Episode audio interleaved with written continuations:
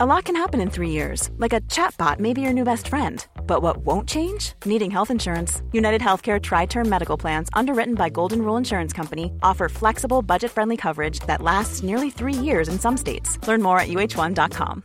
Everyone knows therapy is great for solving problems, but getting therapy has its own problems too, like finding the right therapist, fitting into their schedule, and of course, the cost. Well, BetterHelp can solve those problems.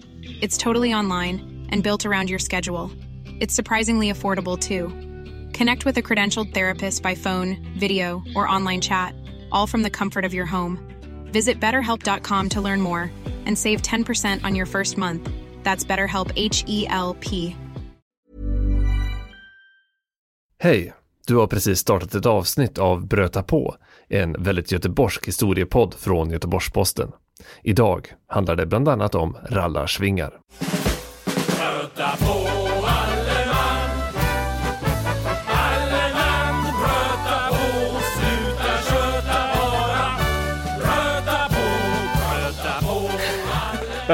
Hallå! Hej! Hej Christian! Hej Ina Lundström, hur står det till idag? Det står alldeles utmärkt till. Vad bra. Vi har ju ett fantastiskt ämne. Vi har faktiskt sett fram emot att spela in just det här programmet som har rubriken Göteborgska slagsmål. Och det är Göteborgska slagsmål genom tiderna. Vi har ett, Ah. vi har ett 400-årigt perspektiv på Göteborgska slagsmål. Det, det känns ju toppen. Ja, jag är så otroligt taggad och eh, var tvungen liksom att göra någonting annat igår. Jag, var, jag slet mig från datorn för det fanns så mycket roligt Du att var läsa så om. trollbunden av de Göteborgska slagsmålen. Absolut. Och jag, jag satt i, i princip i samma båt, men eftersom jag har det mer, det mer eh, senila ansvaret här i, i vår poddduo så har jag grävt ner mig i Göteborgs-Postens Göteborgiana bibliotek Ja. och klipparkiv och kommit ut med många roliga fynd. Han åkte på en propp. Stan är så full av stollar. Vi ska ju försöka hitta det, det roligaste och mest fascinerande slagsmålet. Och det, Alltså be- jag, jag vill till och med säga så här, det bästa. det bästa slagsmålet. Det betyder inte att vi är för våld. Är vi inte? Nej. Lite. Li- om det var för länge sedan För och länge sedan. kul. Roligt våld för länge sedan får gå an. Eh, tråkigt våld numera går inte an. Trist. Jag satt och försökte göra ett slags eh, slagsmålsprotokoll igår. Det första jag kom underfund med det är ju för att det ska vara ett slagsmål så måste det vara minst två personer. Ja. Det måste det vara. Annars är det bara självskadebeteende. Och, och de måste också slåss mot varandra. Så att det, räck- det. det räcker inte att någon slår någon annan på stan. Nej. Utan eh, det måste vara någon som slår tillbaka för att det Absolut. ska bli ett slagsmål. Mm. Och det måste också vara handgriplighet, det måste liksom vara kropp mot kropp. Om två personer skjuter på varann, då är det inte slagsmål. Nej, det är inte ett slagsmål. Utan du måste, man måste, det, det Mm. måste Däremot tillåter vi naturligtvis tillhyggen. Tillhyggen kan man tänka sig, absolut. Ja. Det får inte vara för många heller skulle jag vilja hävda. Om, om man tänker sig att eh, två arméer drabbar samman, då Mm. är det ändå lite svårt att se det som ett slagsmål. Och där finns det också andra aspekter det här med att, att om det är stater som har mm, våldsmonopol enligt lag och allt sånt Ja, där. Allt precis. sådant trassligt. Om det är Jag skulle, nog, polisingripanden. ja, jag, jag skulle nog inte se antalet som ett problem där, utan jag skulle snarare se att man jobbar med det. Jag vill ändå hävda att för att det ska vara ett slagsmål så är det en strikt hobbyaktivitet. Det ska vara en hobbyaktivitet, okej. Och sen är det också så här att det får inte vara för planerat eller kontrollerat. De som slåss får inte vara överens om någon slags regler. Nej. Då, då kan det inte räknas som slagsmål.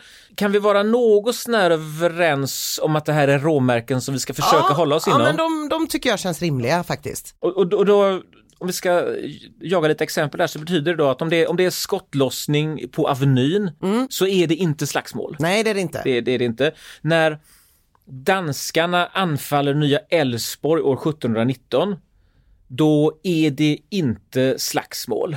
Nej. Om det är en brottningsmatch, Då är det då är det inte slagsmål. inte Inte, ens om det är en ishockeymatch är det slagsmål. Jag skulle vilja säga att om man säljer biljetter och på biljetterna står det någon variant av ordet slagsmål, boxning, fight, då är det inte det. Ishockey, fotboll, schack, Ja, bridge, vad du nu kan tänka. Då är det inte det. Eh, och det finns ju i Göteborgs historia eh, faktiskt några sådana här brottningsmatcher som har gått till historien. Göteborgs första idrottsstjärna, brottaren Våran Gustafsson som var slaktare i saluhallen. Vad sa att han hette, sa? Han hette, åh vad underbart att få säga detta en gång till.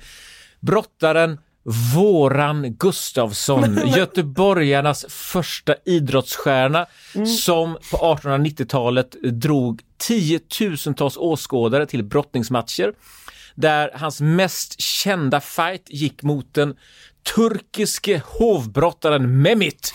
Då de brottades och stånkades och knådade varandra i flera timmar och till slut så kved den här turken Mehmet kaputt och därmed så vann då Gustafsson. Och det är ju Vad alltså sjukt då för jag har hört orden Mehmet kaputt. Mehmet kaputt ja, det, det har jag hört men jag har aldrig hört om legendariskt våran. göteborgskt uttryck.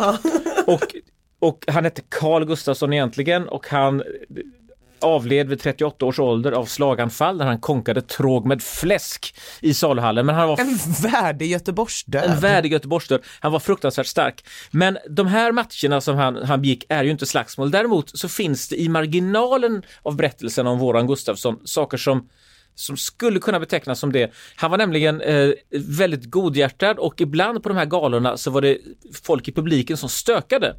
Och eftersom han var Göteborgs, kanske världens starkaste man, så gick han ibland och hjälpte polisen och han, han kastade ut lite bråkstakar som en slags uppvärmning inför den riktiga matchen så var, så var Gustafsson, han var inne, inne då i salongen och så slängde han ut folk som bråkade.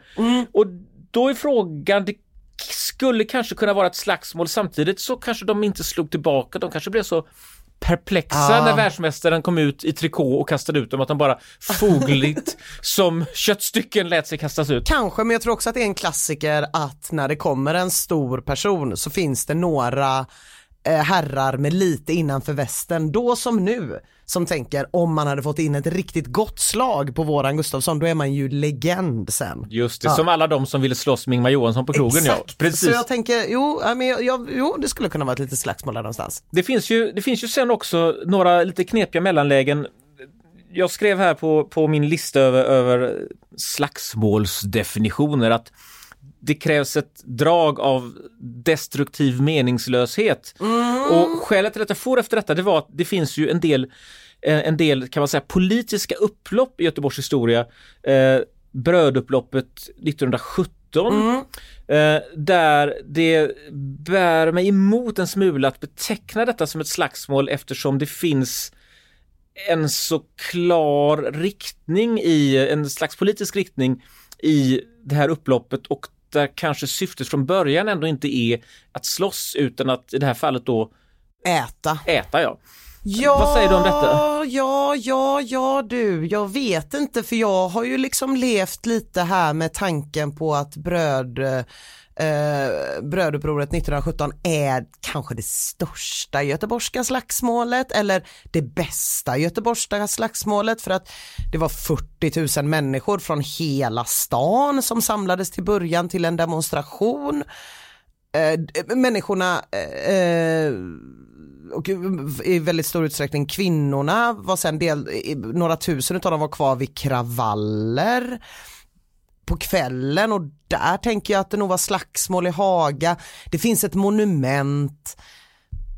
Mm. Ja, vet du, men jag kan, hålla, kan väl hålla med dig om att, att när den här aktionen då, när den förvandlas till kravaller så är det ju naturligtvis destruktivt och meningslöst och därmed är den meningen slagsmål. Så jag, nåväl, vi, vi eh, har väl ändå nu ganska tydligt visat att att det uppstår en massa, en massa gränsdragningsproblem i kanterna här av Ja. slagsmålen men det är inte så att det råder någon brist på slagsmål i Göteborgs historia. Gud, det, är, det är jag då som, som si- sitter ansvarig för den senila sektionen här, nämligen Göteborgs äldre historia. Jag tänkte jag skulle vilja gå så långt tillbaka som faktiskt till januari 1612. Då fanns ju faktiskt inte Göteborg egentligen. Nej. Vi ska ju fira 400-årsjubileum 2021 så vi räknar ju från 1621. Men eh, det är ändå en del av Göteborgs förhistoria. Eh, Göteborg grundlades ju när man hade betalat Älvsborgslösen och det gjorde man eh, det var ett slags pant som man tvingades betala för att man hade eh, förlorat stora landområden vid en fred 1613 i Knäred. Det var, man kan säga att det var sista gången danskarna vann. Och i det, här, i, i det här kriget som ledde till freden i Knäred så var, det en, eh, så var det en fight och den var i januari 1612 vid Gullbergs fäste, det vill säga det som idag är Skansen Lejonet. Ja. Fast den, det var då en annan fästning som låg där. Och då frågar du mig naturligtvis varför ska plötsligt den här militära... Militära, ja. ja, precis, precis, precis. varför ska detta vara ett slagsmål? Ja det känns som att du liksom bara ja, ändrar definitionerna lite efter eget tycke nu tycker Ja, jag. nja, jag har, det, finns nämligen, det finns nämligen en skillnad där. Därför att eh, när de danska trupperna kommer, de kommer då eh, larvande i leran och vätan där vi idag har SJs stora rangerbangård. Du ska tänka sig att det, det är kallt, de danska soldaterna har inte käkat på flera dagar. Nej. Men det är fullständig kalabalik uppe på det här svenska fästet. Eh, de, den svenska kommendanten som heter Mårten Krakow, han, han trasslar till, han bryter benet och eh, Vadå innan stridigheterna ens har Ja, börjat? Ja, i princip innan det har börjat. Det, det som sker i alla fall, att, att, och, och det nu det blir, åtminstone delvis ett slagsmål, det är ju att Mårten Krakow, alltså kommendantens fru, Emerentia Krakow, hon tar över kommandot, delvis tillsammans med några pigor på fästningen. Och de sköter liksom försvaret. Eh, och, och spöar de här danskarna ordentligt. De, eh, de häller kokande lut på dem. Eh, de, eh, en klassiker. En klassiker. Ja. De, de vräker ner gamla tunnor och vedträn och spik och bråte och sånt och liksom proppar igen ingången till fästningen så danskarna fastnar där. Och så, sen kommer det ett gäng danskar in och tror att de ska få mat och så eh, säger, säger de här Vilket kvinnorna att- oerhört att, märkligt Ja, antagande. de, ja men de är ju hungriga. Men tänk, Jo, men alltså, ändå. dels, är ju- dels är ju danskar alltid hungriga. Jo det är de ju, det är Och, de ju. och, och dels så, så hade de då kanske inte fått käk på några dagar. Mm. Och, då, eh, och då tar eh, Emerentia och pigorna, de tar ut en och en och säger nu ska ni få käk och där står de då med, beredda med en brödspad eller ett vedträ och så bangar de då eh, ihjäl de här danskarna. Och dessutom så verkar de ha också i ren ilska ha spöat några av sina egna, bland annat så var det en Eh, någon, någon andre befälhavare som, hade, som var så nervös att han hade gömt sig på dass. Och då eh, när eh, Emerentia Krakow ertappade honom där så enligt då en, en eh, dåtida beskrivning så tog hon honom i båda fötterna och så drog hon upp fötterna och då ramlade han ju ner Ja, som det står i sitt eget skarn. det är roligt. Eh, jag, jag älskar ju mycket av det här slagsmålet. Det är många bra detaljer här. Det finns en, hel, en helt klart en buskisaspekt Mm. som man uppskattar i våldssammanhang. Eh, dessutom så är det ju liksom med brödupproret som vi pratade om alldeles nyss, eh, mest kvinnor.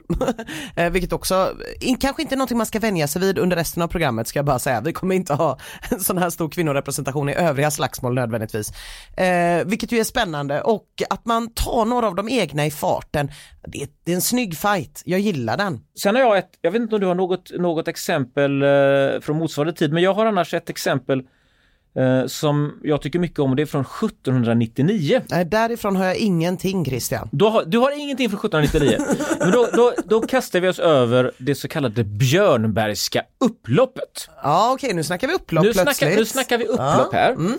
Och det finns många trevliga detaljer med det här upploppet. Och eh, jag satt vid ett tillfälle i nästan två dagar på stadsbiblioteket där de hade det enda kvarvarande exemplaret eh, tryckt på sånt här liksom poröst, nästan svampigt papper med frakturstil någon gång 1807 på våren eller så. Där man kan, där man kan läsa de olika vittnesmålen efteråt. Det som det som har inträffat är att i Göteborg så finns det en elak och tyken grosshandlare Mhm. som heter Niklas Björnberg. Okej, Och det är nästan det enda man kan vara helt bombsäker på. Det finns det tusen vittnesmål ja, på. Han är tyken. Ibland örfilar han kunder och han är, är snorkig mot i stort sett alla. oj. Ehm, I november 1799 så är eh, göteborgarna allmänt purkna på honom och det är man eh, dels därför att man känner att det är, börjar bli ont om mjöl, alltså eh, det finns en spannmålsbrist.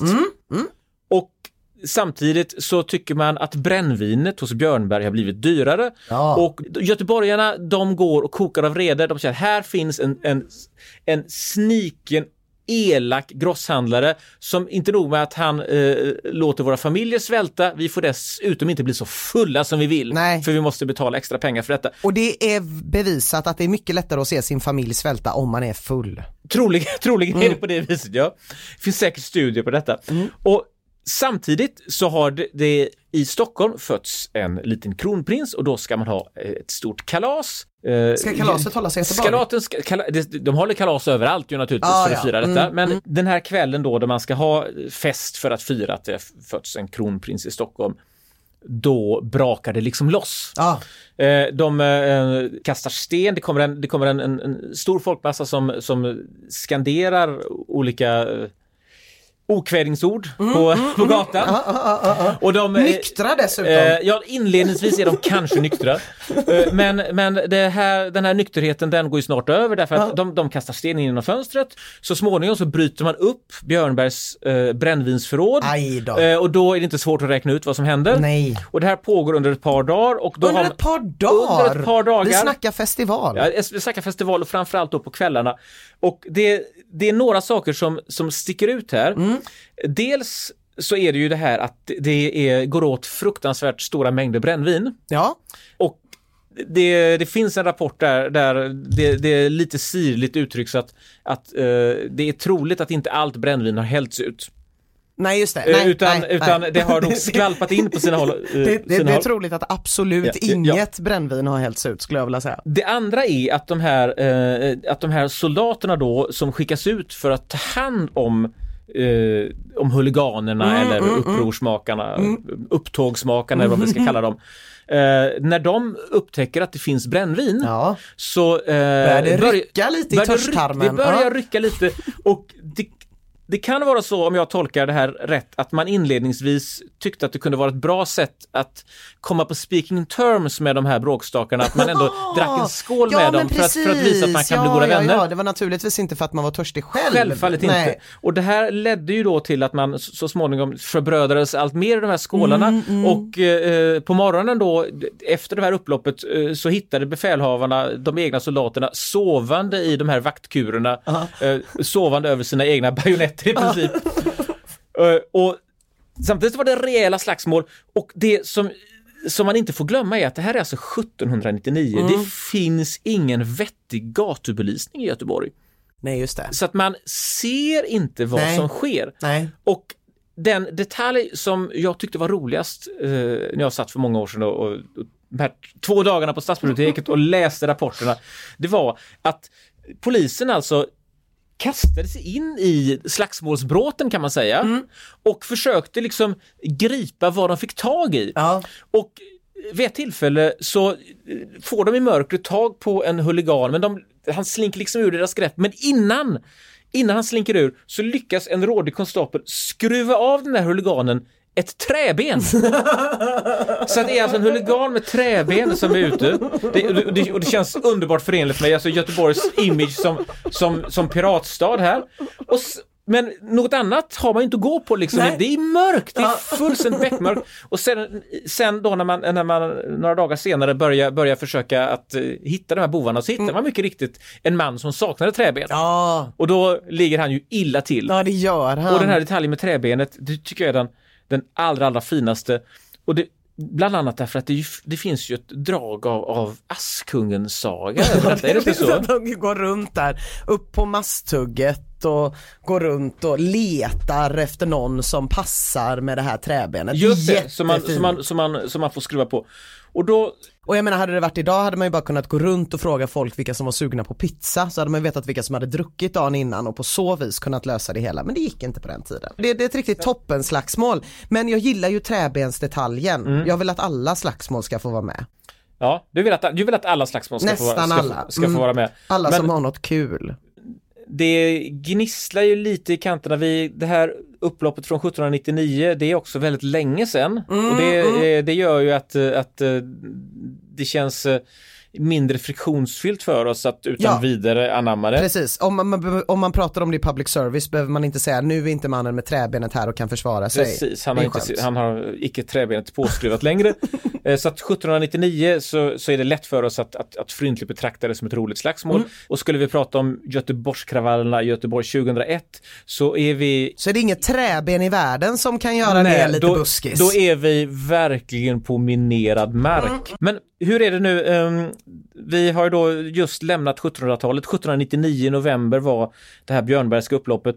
Ehm, jag har några fler exempel, men jag vet också att du hade väl några fynd som du hade gjort här Ina? Ja absolut och det är ju mer kring eh, 1900-tal då Eh, och det blir väl det här med politiska saker, alltså det jag kan sakna lite med ett slagsmål på 1700-talet eller på 1600-talet det är ju, eh, jag menar Christian du vet ju det här med träbenet. Men för att det skulle vara ett riktigt bra slagsmål i min värld då skulle det liksom finnas en staty av träbenet någonstans. Det skulle finnas en plats vi skulle kunna gå till. Så att det verkligen är en del av typ det göteborgska medvetandet på något sätt. Där jag skulle säga till exempel vad som kallas slaget om Masthugget 1934 som egentligen är att det är nazister som demonstrerar genom Masthugget och så är det människor som bor i Masthugget som stoppar dem. Det här hände ju på flera ställen i Sverige så det var väl inte så unikt så. Men eh, att det liksom har gjorts en film om det och att i den filmen är både Lasse Brandeby och Kent Andersson med. Båda spelar naturligtvis väldigt rediga arbetare mot nazisterna. Det gör Ja. att jag tycker att det blir ett mer göteborgskt bråk. Ja, det är klart. Har vi både Kent Andersson och vem sa du mer? Lasse, Lasse Brand- Lasse Brandeby. Brandeby. Ja. Ja, det är ju, då är och det inte bara en... Lasse Brandeby utan Lasse Brandeby som står och skriker din jävla fascist med din löjliga jävla rock liksom. Du får hela den grejen och det är på Masthugget och den är baserad på, det är väl Vaj Wexelman som har regisserat den. Den ligger uppe, man kan se den. Man måste inte. Eh, men eh, den bygger ju på Erik Alexanderssons självbiografier om Masthugget och så här, det, alltså, mm, det, det, det är någonting med det där där jag känner så här att mitt göteborgska hjärta blir alldeles varmt. Och Erik Ale- Alexandersson jobbade på Göteborgs-Posten, meddelas också härmed, ser man på. Bara en sån sak. Ehm, Men det här, du får berätta lite grann mer eh, för mig om, om, om de här eh, slagsmålen 1934 då. Det var alltså sammanstötningar då Ja, mellan nazister och, Och, eh, rediga göteborgska masthuggsbor. Precis. Ja. Eh, och exakt eh, hur det gick mer än att de stoppade nazisternas marsch, det vet jag inte. Enligt Erik Alexandersson så sjöng de en egen variant av Internationalen medan detta hände, som är då vi vill tåga framför nya tider, vi vill kämpa för vår rätt, slut upp i ledet du som lider för ett bättre masthugget. Åh, ett göteborgskt rim här. Jag vet inte Det om det är, är ju- sant Christian, men det står så. Eh, och och det, det, jag har med tagit vara på de kulturella, men jag har inte tagit fram hur många människor det var som var inblandade eller någonting sånt. Men det har jag däremot gjort i ett senare slagsmål. Eh, fredag den 14 maj 1954, Blåvitt spelar mot Gais. Det blir 1-1 på Gamla Ullevi. Det blir oroligheter på stan och framförallt så kanske det är så att media förstora de här oroligheterna, bland annat på Liseberg och skriver om upploppsscener och folk som slås medvetslösa och eh, spruckna ögonbryn och, och sådär va. För att polisen och Lisebergs ledning de säger så här, nej men så riktigt illa var det inte. Eh, men eh, det var helt klart så att eh, alla skyllde på alkoholen eh, som konsumerades i, i samband med eh, fotbollsmatcherna. Men det är inte det som är det stora bråket där på fredagen utan på lördagen. Då har liksom alla göteborgare som är lite sugna på att slåss kanske tagit sig till Liseberg för att bara känna lite på stämningen. Det var visst ganska mycket som hände där igår. Så då finns det siffror på att det var 5000 ungdomar som slogs i samband med att en ungdom blev gripen på av um, en väktare det hette det inte på den tiden, men en vakt, för fylleri. 13 män i åldern 17 till 30 år grips. Eh, och och man skyller naturligtvis inte på alkoholen den här gången utan på dagens ungdom. Eh, de är hållningslösa och genom det sociala daltandet med ungdomen som nu systematiskt bedrivet har de fått inställningen att de själva äger rätt att bestämma hur de bör uppträda, skriver poliskammaren. Eh, men GT, de är snabba och de säger så här, om resonemanget ska hålla så vill det nog till bevis att busaktigheten var mindre i tider då det inte daltades. Man har nog för sig att det kunde bli en del pöbeluppträdanden på den tiden också. Och det som är intressant med det tycker jag är att man eh, inte minst i samband med fotbollsmatcher ju, ofta pratar om att det skulle vara så särskilt våldsamt just idag. När vi vet att när vi backar bandet några steg Ja, då var det ganska bråkigt kring fotbollsplanerna då med, inte minst på 70-talet men även som här 50-talet och om man går ännu längre tillbaka också. Nu nämnde du ju att GT redan 1954 hade antytt att det var värre förr. Jag har letat efter några exempel. Ehm, det- finns dels ett exempel eh, i augusti 1916 så var det så var det väldigt bråkigt efter en, eh, en match mellan något så egendomligt som å ena sidan ÖIS och å andra sidan ett slags amerikanskt landslag. Jaha, Eh, Så att man kan, man kan säga att ÖIS spelade mot USAs landslag. Eh, Okej, och ja, det eh, var det som, det som eh, är fantastiskt när man läser de här matchreferaten och vad som inträffade, nu prasslar jag lite grann med gamla Mm. papper här. Hoppas att det inte blir för stökigt i radio. Det är ju så att eh, amerikanerna vinner den här matchen med 2-1. vilka jävla svin. Ja, det är ju så. Eh, Du reagerar precis som alla göteborgare, inklusive, om jag förstår det rätt, i stort sett poliser och även journalister. Eh, När man läser till exempel rapporteringen i Göteborgs-Posten där man berättar att eh, amerikanerna vann med 2-1 så eh, framställs det här som i stort sett eh, eh, ett övergrepp från amerikanernas sida. Ja. Eh, Jag läser, jag, jag läser här, det står att Örgryte borde ha vunnit matchen. Därom behöver man ej disputera. Men det är inte så gott för forwards att åstadkomma något resultat Nej. när man har sex hastighetslöpare framför sig och nästan lika många på jakt efter sig. Anfallskedjan fick aldrig det rätta lugnet över sitt spel. Nej, Skriver nej. GP. Det vill säga, amerikanerna var ofina nog Ja, det var att avbryta de fina svenska anfallen. Nu kan man ju som, som eh, nutida fotbollsåskådare kanske möjligen tänka sig att är inte det hela vitsen med fotboll att man lite ofint ska försöka avbryta motståndarens fina anfall? Jag Men- tror att hela vitsen Ja. med fotboll är att man ska ha någonting att titta på där ens, Mm. eh, eh, ens förmåga att vara kritiskt tänkande suddas ut. Mm. När man är 100% med det ena eller andra. Så att om inte svenskarna, eh, om inte, om inte amerikanerna så ofint hade förstört de svenska anfallen Mm. Då hade vi vunnit. om inte eh, svenskarna hade haft sån väldig otur med stolpen och om inte den amerikanske målvakten Tyntel, eller målmannen som han kallas i GP 1916, och om inte han hade haft en tur som gränsade till det brottsliga fy. så eh, hade naturligtvis svenskarna vunnit en välförtjänt seger. Eh, Efter matchen så eh, hängde smockan i luften och de amerikanska spelarna fick räddas in i bilar och de eh, har föga sympati att eh, vänta från eh, pressens representanter i Göteborg. 1913, alltså tre år innan det här inträffade med amerikanerna, då var det ett fantastiskt fotbollsupplopp i Göteborg.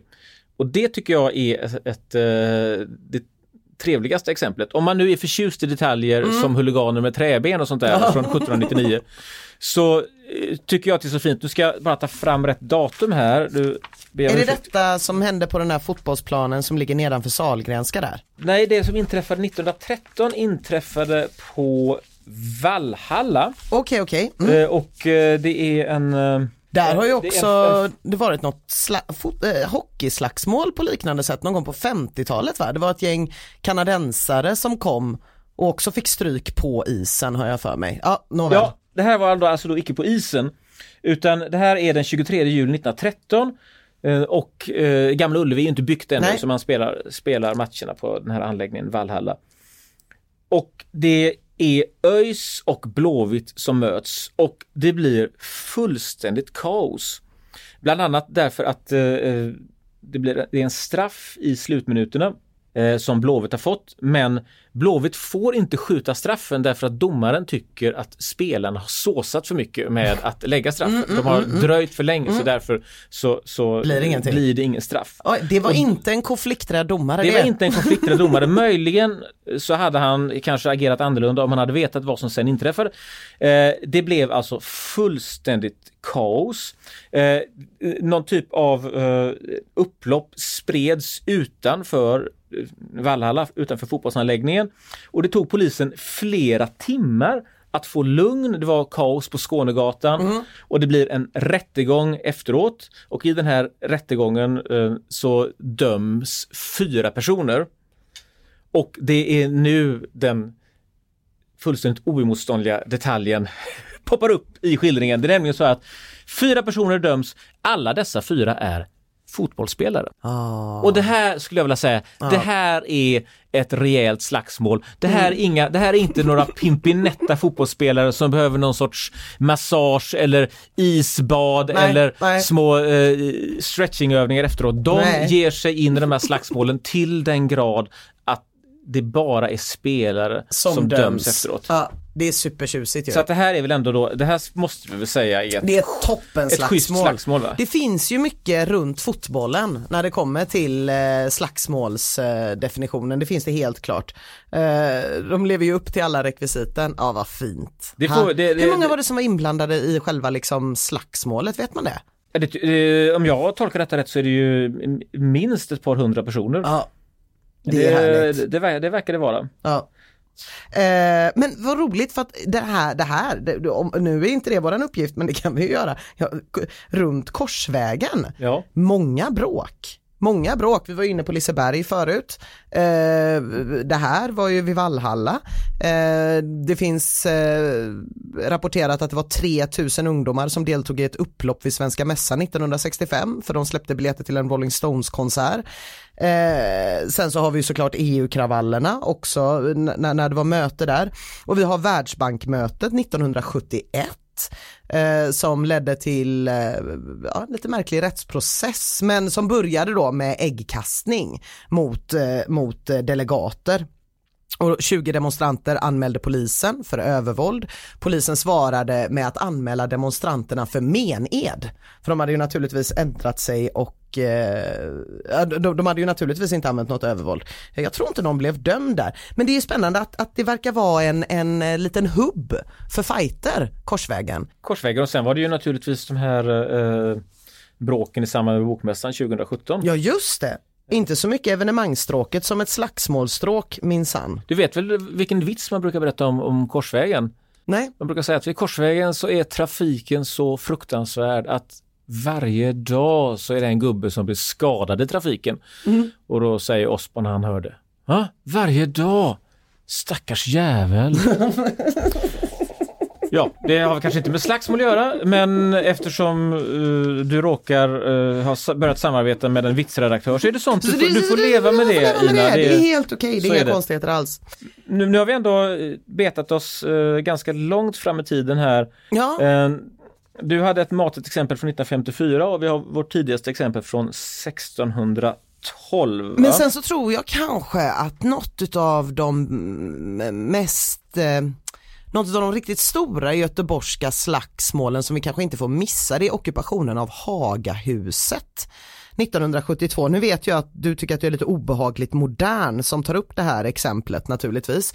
Men det som är spektakulärt här är ju att det är ett gäng, eh, ja det är ju en ockupationsvåg som går över Sverige, det ockuperas lite överallt. Människor ockuperar Hagahuset. Eh, polisen bryter sig in. Samtidigt så har man liksom en slags vaktstyrka bland ockupanterna. 200 pers i Haga som är redo att, att, att gå in om det skulle behövas. Och sen har man också en massa raggare och knuttar mc-buren ungdom blandat med eh, någon slags eh, nazistiska organisationer. Så att du har ett trefronts eller kanske till och med fyrfrontskonflikt som pågår i flera dagar. Och vilka då är frågan då, eh, om vi nu ska försöka bena upp de här konfliktlinjerna så har vi å ena sidan ockupanter Mm. Ja. som har eh, som någon slags, slags reservstyrka då, en grupp i Haga, Mm. Ja. som kan rycka in om polisen vill röja byggnaden. Precis. Men eh, vilken funktion hade nynazisterna i den här Ja, alltså, blandningen? Det fanns ju lite, vad ska man säga, en slags korsbefruktning på vissa sätt på 70-talet mellan, i, i, när det gällde att avbryta vänsterdemonstrationer. Så fanns det raggare som var intresserade av det. Och sen fanns det också eh, ett gammalt nazistparti hade också intresse för det. Så att de var ju inte nödvändigtvis där ihop men de tyckte ju båda två att eh, de här afghanpälsarna skulle få på pälsen så att säga. Så att eh, där fanns det ju liksom delade intressen i att man inte ville ha en massa hippies som sprang runt på stan och betedde sig. Och sen polisen ville ju bara utrymma för att det var en olaglig ockupation. Okej, så att du har eh, å ena sidan raggare Mm. och, och å andra sidan nynazister som, som i, i princip inte är överens om någonting annat än att de ogillar de som du kallade för afghanpälsarna, ja, alltså ja. de här eh, så att säga progressiva husockupanterna. Mm, Eh, och de progressiva husockupanterna, de eh, har väl en de har då en lite vag vänsterprofil, Ja, skulle jag kunna väldigt- föreställa mig. Jag tror kanske till och med en väldigt solklar stalinistisk En solklar profil. stalinistisk Det skulle profil. kunna vara, jag Ja, minns inte där- exakt om just det då var herrarna eller vilka det var. Ja, okej. Då, har- då har vi eh, totalitära ideologier Mm. i ryggen på, på i princip alla då Mm, som, som verkar vara där. Men de, de har då, eh, de, de här ockupanterna har då eh, sympatisörer i Haga Ja. som i sin tur då drabbar samman då med, Med, med, med eh, knuttarna, raggarna. alltså raggarna ja, och precis. eh, det, det här är ju en, det här känns som, som en väldigt komplicerad kaka Ja av, men det är en av, komplicerad eh, kaka men det konflikter. pågår i flera Ja. dagar. Och sen polisen eh, på detta. Och så polisen på detta. Det pågår i flera dagar och eh, brandbomber, yxor, släggor och spett används. Så att det är en hel flora av olika typer utav tillhyggen. Och i och med att det är så många människor inblandade och det är lite komplext, det har ju väldigt starka politiska undertoner förvisso. Eh, men eh, det är ändå ett eh, spektakulärt slagsmål värt att nämna tycker jag i sammanhanget. Alltså den tycker jag, den Den tycker jag, tycker jag får vara med. går. Mm. Eh, sen är det ju mycket ockupationer här emot. Det blir ju inga eh, större, eh, ja, större våldsdåd vid en väldigt stor och väldigt lyckad ockupation av Kungstorget 1976 när det inte blev en parkeringsplats där som var planerat till exempel. Eh, värt att nämna var att det var väldigt mycket lågstadiebarn på plats som gick dit med sin skolfröken för att skriva på protestlistor. Kul att tänka sig idag, väldigt sällan händer sånt. Nej, så att det är, det, det, det, det, det finns ju, alltså det finns ju hur mycket som helst som sagt. Vi har ju knappt gått in på Göteborgskravallerna och eh, i min research så måste jag också bara lyfta det här att jag när jag höll på att leta i mediearkivet hittade en artikel av dig Christian Wedel skriven 1994 när du var på rave.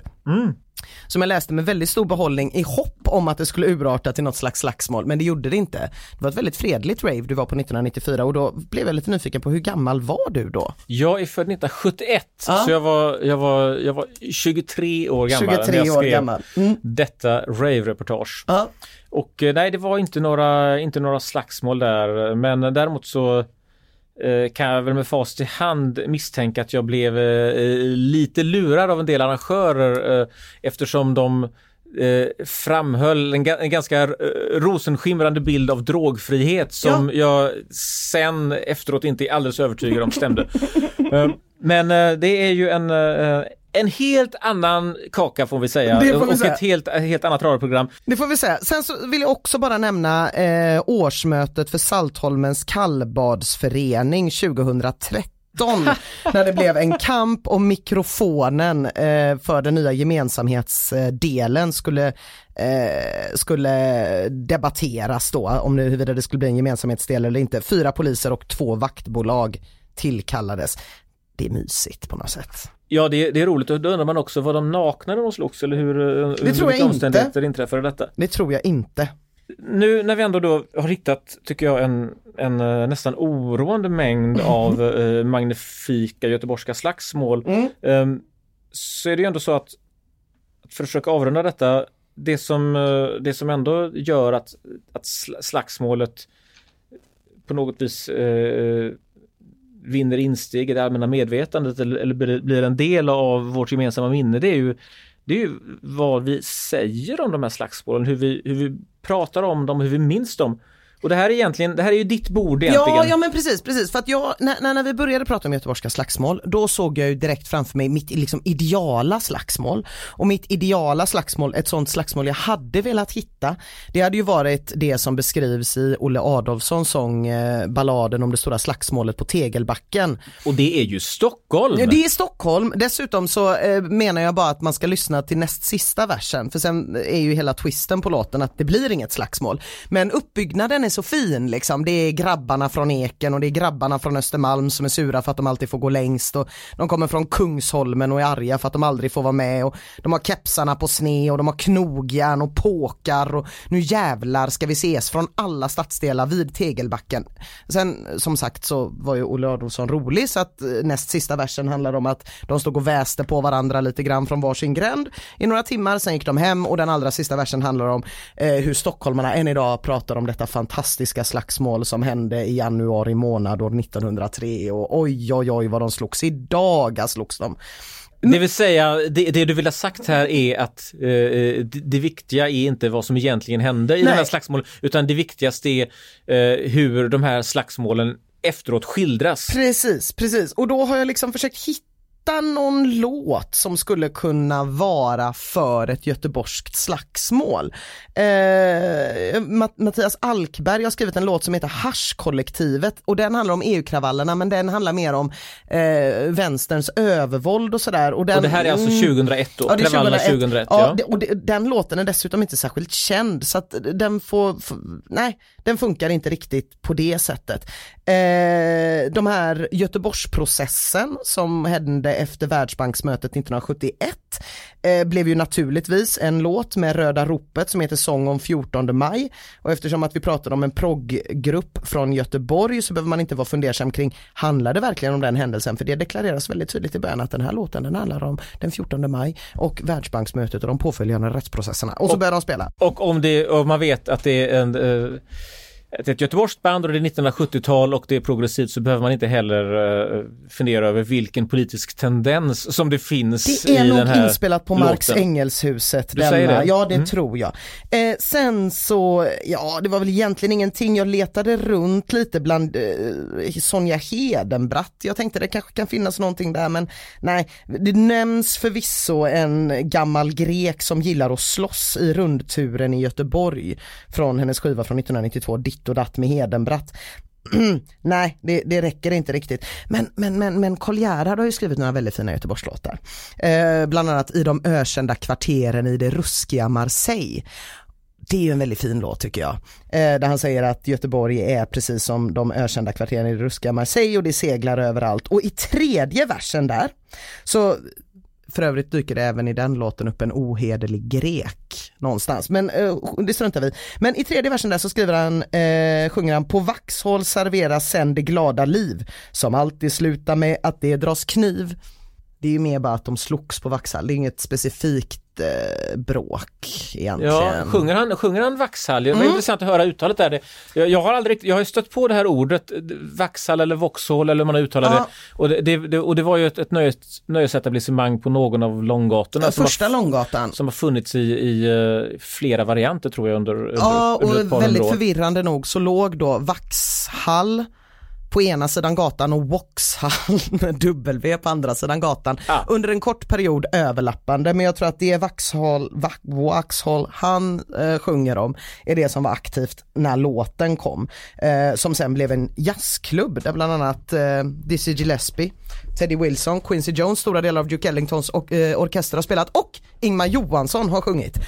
Eh, så det är, men det är bara en vers och det är ju inte ett riktigt bråk. Så att jag får kanske ändå säga att vi kommer tillbaka till brödupproret för där finns ju dessutom skriven av Kent Andersson.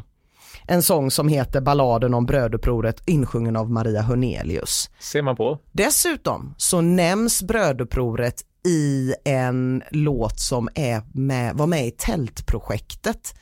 Eh, kommer inte ihåg vad den heter nu, men jag vet att de sjunger Vi vill ha bröd, vi vill ha potatis med väldigt allvarlig min. Eh, vilket min dotter tyckte var väldigt roligt när hon hörde när hon var liten. Så att, eh, Det finns ju något, det är ju, det är ju egentligen det som eh, ibland gör att, den, att proggen inte alltid har, har åldrats så väl. Det är Nej. ju just det här det här Gravallvaret. gravallvaret Mm. som gör att man ibland har, har svårt att hålla sig för skratt. Ja. Eh, så så med, med, med tanke på eh, besjungenhet så skulle jag Nu var det säga en ny, ny uppfunnen glosa här igen. Besjungenhet, ja absolut. Eh, Enligt besjungenhetsrekvisitet så skulle jag ändå återigen komma tillbaka till brödupproret som ett, i alla fall, kanske inte det största men ett väldigt, väldigt eh, spektakulärt göteborgskt slagsmål. Mm. Och då har vi den här visan Ja, då har vi den. Då har vi den. med Maria Hörnelius Ja. med text av Kent Andersson. Och som en extra bonus så måste vi väl ändå framhålla att det är svårt att hitta något mer göteborgskt än Maria Hörnelius och Kent Andersson. Jag tycker det.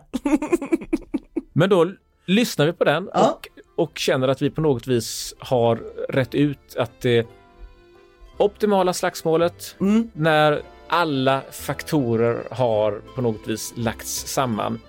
Det ska ändå vara då, menar du, det här brödupproret. Så tillvida att 1917. ingen väldigt snabbt nu skriver en sång om det här träbenet 1799 för då skulle jag säga att det vinner. Eller de 5000 eh, li- lite lätt vimsiga huliganer som slogs en dag för sent 1954. Ja. Är det så att vi eh, välkomnar läs och lyssnarkretsen att eh, gestalta sina favoritslagsmål i visform och eh, skicka in dessa så ska vi kanske återkomma till dem i den här podden. Absolut gör vi det. Det låter toppen Ina. Tack så mycket. Tack, ha det fint. Hej. Det finns inget mörker, min dotter Mörker är stulet ljus Du har lyssnat på Bröta på, en väldigt göteborgsk historiepodd från Göteborgs-Posten med Christian Wedel och Ina Lundström.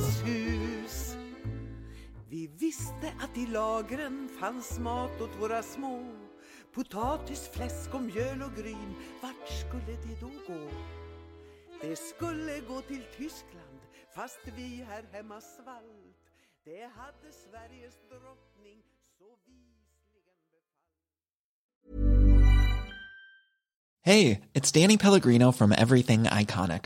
Ready to upgrade your style game without blowing your budget? Check out Quince. They've got all the good stuff shirts and polos, activewear, and fine leather goods, all at 50 to 80% less than other high end brands. And the best part? They're all about safe, ethical, and responsible manufacturing. Get that luxury vibe without the luxury price tag. Hit up quince.com slash upgrade for free shipping and 365 day returns on your next order. That's quince.com slash upgrade. Hey, it's Paige DeSorbo from Giggly Squad. High quality fashion without the price tag. Say hello to Quince. I'm snagging high-end essentials like cozy cashmere sweaters, sleek leather jackets, fine jewelry, and so much more. With Quince being 50 to 80% less than similar brands. And they partner with factories that prioritize safe, ethical, and responsible manufacturing. I love that. Luxury quality within reach. Go to quince.com slash style to get free shipping and 365 day returns on your next order. Quince.com slash style.